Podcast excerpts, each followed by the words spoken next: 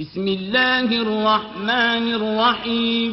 शुरू अल्लाह के नाम से जो बड़ा मेहरबान निहायत रहम वाला है لإيلاف قريش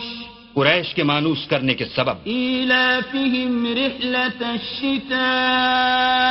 والصيف यानी उनको जाड़े और गर्मी के सफर से मानूस करने के सबब فليعبدوا رب هذا البيت लोगों को चाहिए कि उस नेमत के शुक्र में इस घर के मालिक की इबादत करें الذي أطعمهم من جوع وآمنهم من خوف जिसने उनको भूख में खाना खिलाया और खौफ से अमन बख्शा